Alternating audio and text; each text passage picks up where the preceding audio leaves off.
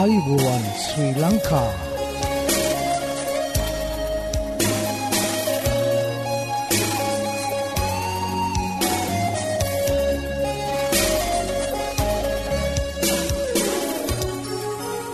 ඔබට සුපදවස මේ ඇඩවෙන්ටිස් වර්ල් රේඩියෝ බලාපොරොත්වය හඬයි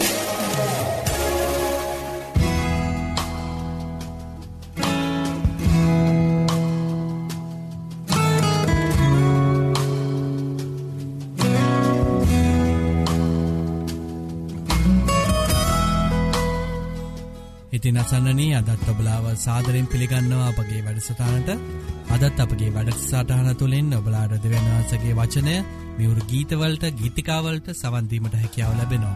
ඉතිං මතක් කරන්න කැමති මෙම වැඩසටානගෙනෙන්නේ ශ්‍රී ලංකා 7ඩ ඇඩවෙන්ටිස් කිතුුණු සභාව විසින් බව ඔබලාට මතක් කරන්න කැමති. ඉතින් ප්‍රැදිී සිටින්න අප සමඟ මේ බලාපොරොත්තුවය හඬයි. අතදිනේ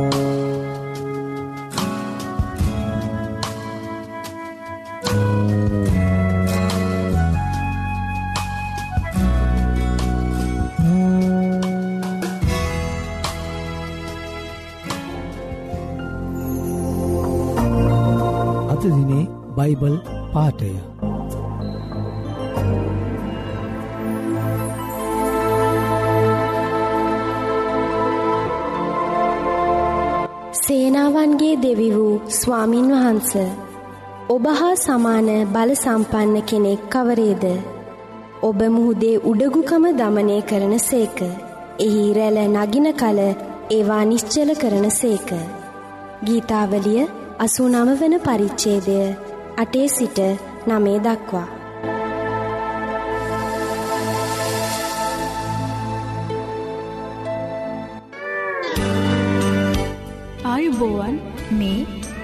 ඇඩ්වෙන්ටිස් වර්ල් රේඩියෝ බලාපොරොත්වය හඬ.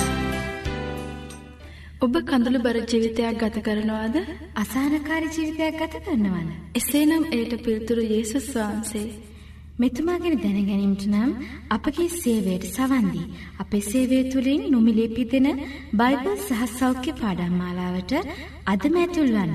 මෙන්න අපගේ ලිපින ඇඩ්වෙන්ටිස් වර්ල්ඩ් රේඩියෝ බලාපොරොත්තුවේ අඩ තැපැල් පෙටේ නමය බිඳ එපා කොළඹ තුන්න.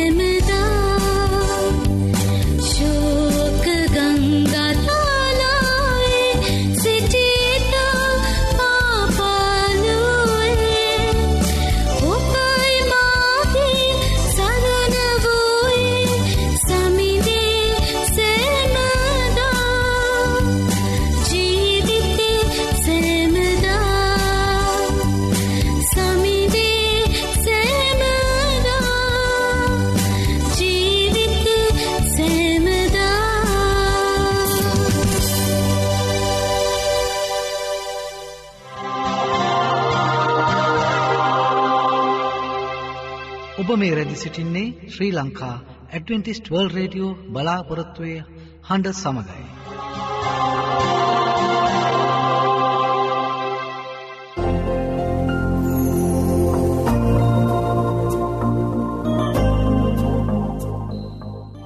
ඉතින් හිතවත හිතවතිය දැන් ඔබට ආරාධනා කරනවා අපහා එකතු වෙන්න කියලා අද දවසේ ධර්ම දේශනාවට සවන් දෙන්න අද ඔබට ධර්ම දේශනාව ගෙනෙන්නේ හැරල් ෆිනෑන්ඩු දේවක දිතුමා විසින් ඉතින් එකතු වෙන්න මේ බලාපොරොත්තුවය හඬට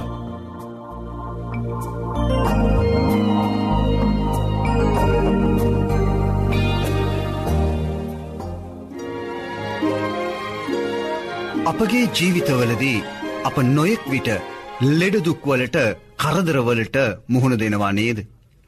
එවන් අවස්ථාවලදී අපට වැඩිමහල් අත්දැකිම් ඇත්තා වූ අය අවවාද අනුශාසනා දෙනවා.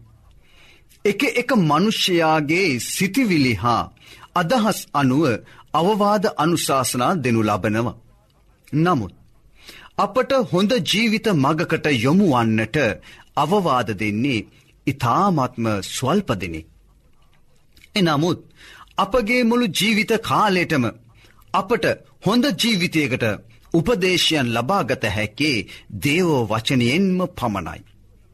අප විසින් කළ යුතු සහ කිවයුතුදේ ගැන උපකාර කරගත යුතු වන්නේ දේවවචනය නම් වඩාත්ම හොඳයි. අප එකක් කියා ඊට විරුද්ධ වූ දෙයක් කරන්නේ නම් එය දේවවචනයට පටහැනි වූ දෙයක් වෙනවා නොවනුමානයි. අපේ කීම හා කිරීම අපේ හර්ද සාක්ෂයටත් දේව වචනයටත් අනුව තිබිය යුතුයි. නැතිනම් අප වර්දට පත්වෙනවා. මන්ද අප කිතු බැතියන් බව අපම ප්‍රකාශ කරන නිසාත්. ලෝකයා ඒ බව දන්නා නිසාත්‍යය. ක්‍රස්තියානින් වන අප දේව වචනය අනුව කතහා කරමින්. උගන්වමින් දවස් ගත කළත්. ඒ අනුව ජීවිත ගත කරන්නේ නැතිනම් වරද අපේ. රජයට යටත්ව ජීවත්වීමේ අගය ජේසුස් ක්‍රිස්තුස් වහන්සේම අපට පෙන්වාදී තිබෙනවා. ඒ වගේම ඒ හා සම්බන්ධව අප රජයට කීකරුවේ යුතු යනුවෙන් ශුද වූ පාවුල්තුමාද ශුදහාත්මයණන් වහන්සේගේ පෙළඹවීමෙන් ලියූ හසුන් පත අතරින් රෝමවරුන්ට ලියූ සන්දේශේද එකක් වෙනවා. එහි දහතුන්වන පරිච්චේදේ එකේ සිට හතට මෙහෙම සඳහන් වෙනවා. හැම දෙනාම බලයලත් මුලාදෑන්ඩීන්ට යටත්වෙත්වා. මක් නිසාද දෙවියන් වහන්සේගෙන් මිස කිසි මුලාදෑනිකමක් නැත්තේය. ඇත්තා වූ මුලාදෑනිකම් දෙවියන් වහන්සේ විසින් නියම කරතිබේ. එබැවින්. මුලාදෑනිකමට විරුද්ධ වන්න දෙවියන් වහන්සේගේ නියෝගයට විරුද්ධව සිටී. විරුද්ධව සිටින්නෝ තමුන් පිටට දඩුවම් පමුණවා ගන්නෝය. මක් නිසාද. ආණ්ඩුකාරයෝ නපුරු ක්‍රියාවට මිස යහපත් ක්‍රියාවට භය උපදවන්නෝ නොවෙති. නුඹ මුලාදෑනියට භයක් නැතිව සිටින්නට කැමැත්තෙහිද යහපත්දේ කරපන්න. එවිට ඔහුගෙන් නුඹට ප්‍රසංසාව ලැබී. මක් නිසාද නුඹට යහපත පිණිස. ඔහු දෙවියන් වහන්සේගේ සේවකයෙක්ය. නොමුත් නුඹ නපුර කෙරෙහිනම් භයවයන්න. මක් නිසාද ඔහු නිරර්ථකයේ කඩුව නොදරයි. ඔහු දෙවියන් වහන්සේගේ සේවකයෙක්ව නපුර කරන්නා කෙරෙහි උදහස පමුණුවනවර පිණිස පලිගන්නා කෙනෙක්ය. එබැවින් උදහස නිසා පමණක් නොව හර්ද සාක්ෂිය නිසාද යටත්වෙන්ට ඕනෑය. එසේය. නොබලා සුංගම් දෙන්නෙත් මේ නිසායි. මක්නිසාද ඔවුහු මේ කාරණයෙහිම නොකඩව යෙදී සිරින්නා වූ දෙවියන් වහන්සේගේ සේවකයෝය. එබැවින් සියල්ලන්ට යුතුදේ දීපල්ලා. සුංගම් දෙන්ට නිත්සාට සුංගම්ද. අයබදු දෙන්ට නිස්සාට අයබදුද දීපල්ලා. භයවෙන්ට නිස්සාට භයවයල්ලා. ගෞරුව ලබන්ට නිස්සාට ගෞරෝ කරපල්ලා. මෙයින් අපට පවසන්නේ රටක නීති හෝ රජයේ නීතිරීති නොකඩන ලෙසයි. දේව වචනය අපට එසේ පවසන අතර. අප විසින් රජයේ නීති පිළි නොපැද ඒවාට පටහැනිව ක්‍රියා කරන්නේ නම් දේව උදහස අපට ලැබෙනවා. අප අල්ලස් දෙන්නේ නම් වංචා කරයි නම් බොරු කරන්නේ නම් අපේ කිතුුණුකම අපෙන් හිස්වී තිබෙනවා. ඒ කිතුුණුකම අප තුළ ඇත්තේ නාම මාත්‍රයෙන්ම පමණයි. පගාවක්දී තම දරුවාට රැකියාවක් පත්වීමක් හෝ මාරුවක් හදාගන්නට වෙරදරන කිතුුණු පියවරු අප අතර ඇත්නම්. රටේ දූෂින ඇතිවීමේ වේගයට වගකිව යුත්තේ ඔවුන්මයි. රටට වැඩිබන දෙසමින් රට රවටන්නට ක්‍රියාකිරීම කිතුතුමන්ට වූ වේදනාවලට තවත් වේදනාවක් එකතු කිරීමක් නොවෙයිද. මෙලෙස දෙවියන් වහන්සේගේ වචනයෙන් අවවාද දෙන්නේ. මෙලොව මිනිසුන්ගේ රටක් රාජ්‍යයක් පිළිබඳව නම්. දෙවියන් වහන්සේගේ රාජ්‍යයෙහි නීතිරීති වෙනස් කිරීම ඒවා කඩකිරීම එම දේව නීතිරීති වෙනස් කර ඉගැන්වීම දේව නීතිරීති අනුව ජීවත් නොවීම පිළිබඳව කුමන කතාද ඔබත්මාත් තුළ. සිතා බලන්න. එය එසේ වුවොත් දේව උදහස කෙලෙසින් අපවිත බලපායිද. එලෙස සිදුවනොත් අපි කොතරම් අවාසනාවන්තද. කිතුුණු පවුල්වල සත්‍යයෙන් යුක්ත වූ සැබෑ වූ සාමයක් තිබිය යුතු යයි ලෞකික ලෝකයාගේ අදහස වන්නට පුළුවන්. අද සමාජයේ බොහෝ පවුල්වල ඇතුල් පැත්ත දෙස බලන විට ප්‍රේමය වචනයට පමණක්ම ඔවුන්ගේ ජීවිත තුළ සීමාවී ඇති බව ඔවුන්ට පෙනෙන්නේ නම්. ලෝකයාට අප විසින් කිතුනුවන් පිළිබඳව ලබා දෙන ආකල්පය කුමක් විය හැකිද. බොහෝ කිතුුණු පවුල්වල ප්‍රේමය හා සමාධානය ඇත්තේ වචනයෙන්ම පමණක් නේද.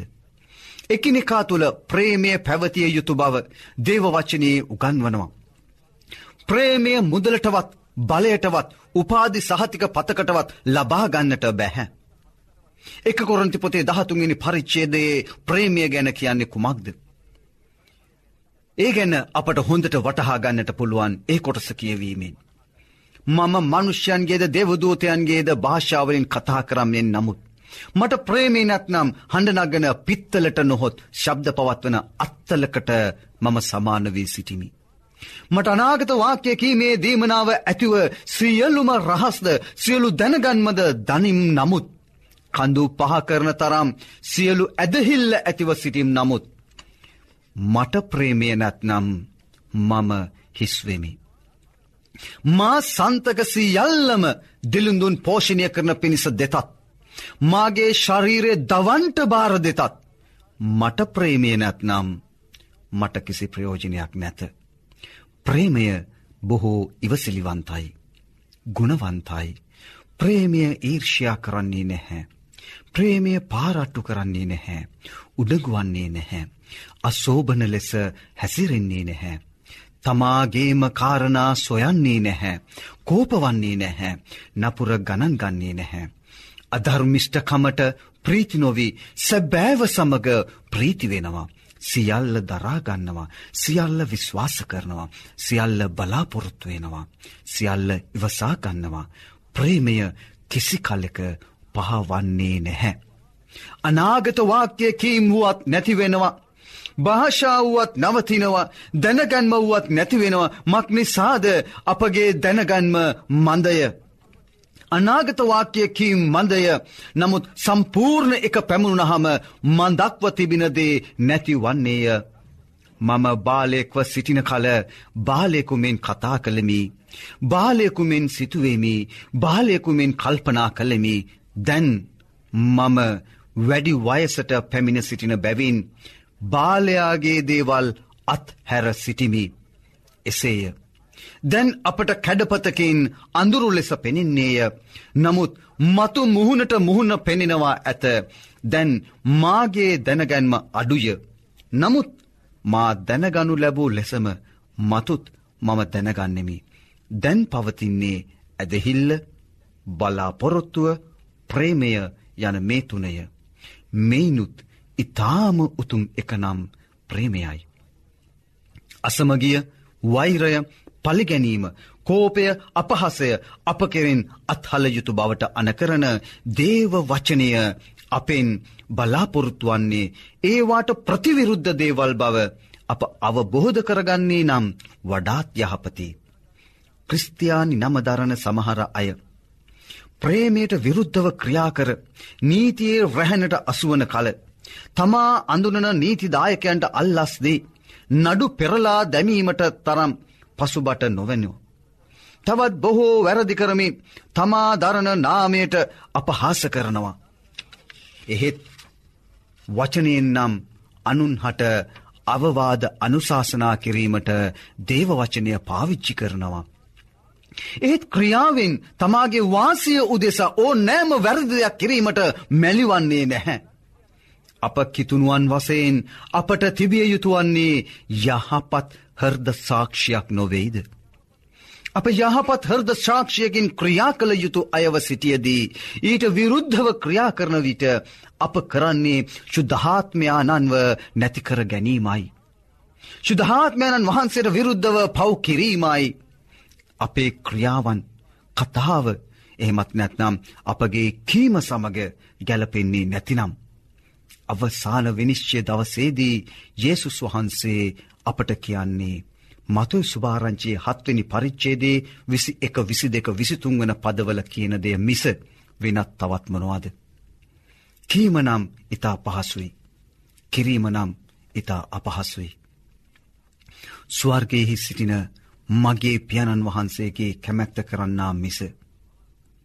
මට ස්වාමිනී ස්වාමිනී කියන සියල්ලෝම ස්වර්ග රාජ්‍යයට ඇතුල් නොවන්නෝමය. ඒ දවසේදී බොහෝ දෙනෙක් ස්වාමිනී ස්වාමිනී ඔබගේ නාමයෙන් අනාගත වචන නොකියවුමද.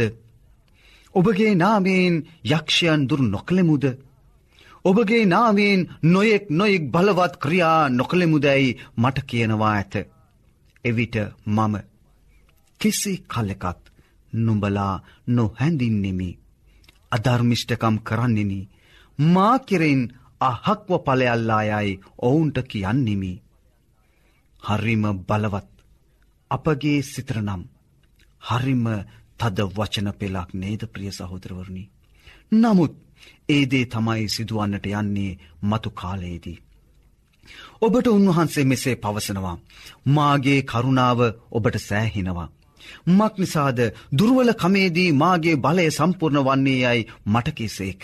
එබැවින් ක්‍රිස්තුස් වහන්සේගේ ශක්තිය මා කෙරෙහි පිහිටින පිණිස මාගේ දුර්වලකම් ගැන ඉතා සන්තෝසයෙන් පාරට්ටු කරන්නෙමි. මෙලෙස අපගේ මිනිස් දුර්වලකම් අභිභවා දේව බලය අප ජීවිත තුළ අත්දැකිය හැකිවෙනවා නොවනුමානයි. එහෙමනම් අපි තවත් දුර්වලව සිටිමුද නැහැ. අපි කිතුනුවන් අපි ශක්තිමත් එහෙමනම් මෙන්න මෙහෙම අපි කියවමු.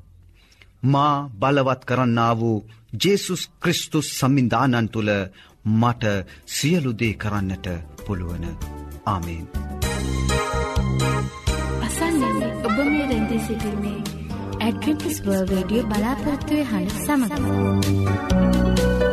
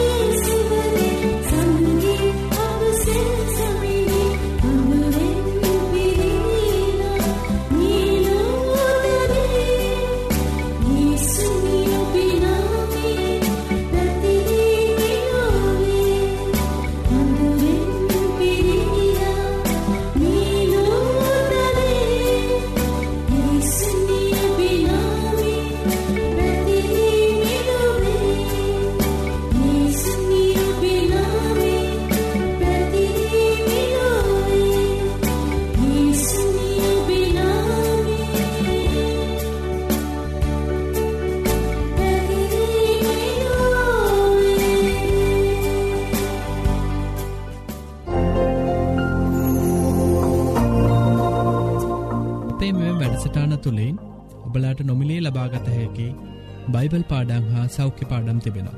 ඉතිං ඔබලා කැමතිනං ඒවට සමඟ එක්වෙන්න අපට ලියන්න.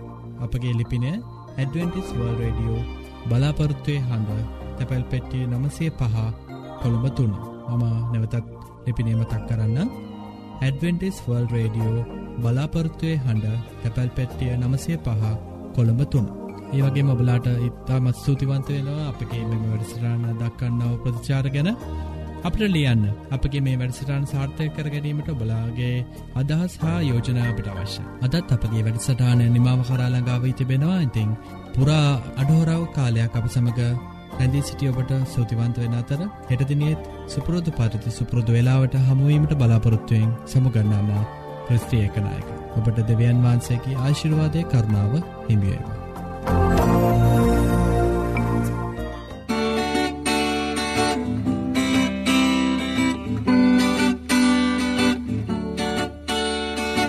කල්වරයට ගියා මානිසා මානිසා යේසුස් මානිසා. කල්වරයට ගියා මානිසා මාගිනය ගෙව්වා. කල්වරයට ගියා මානිසා මානිසා යේසුස් මානිසා. කල්වරයට ගියා මානිසා මාගිනය ගෙව්වා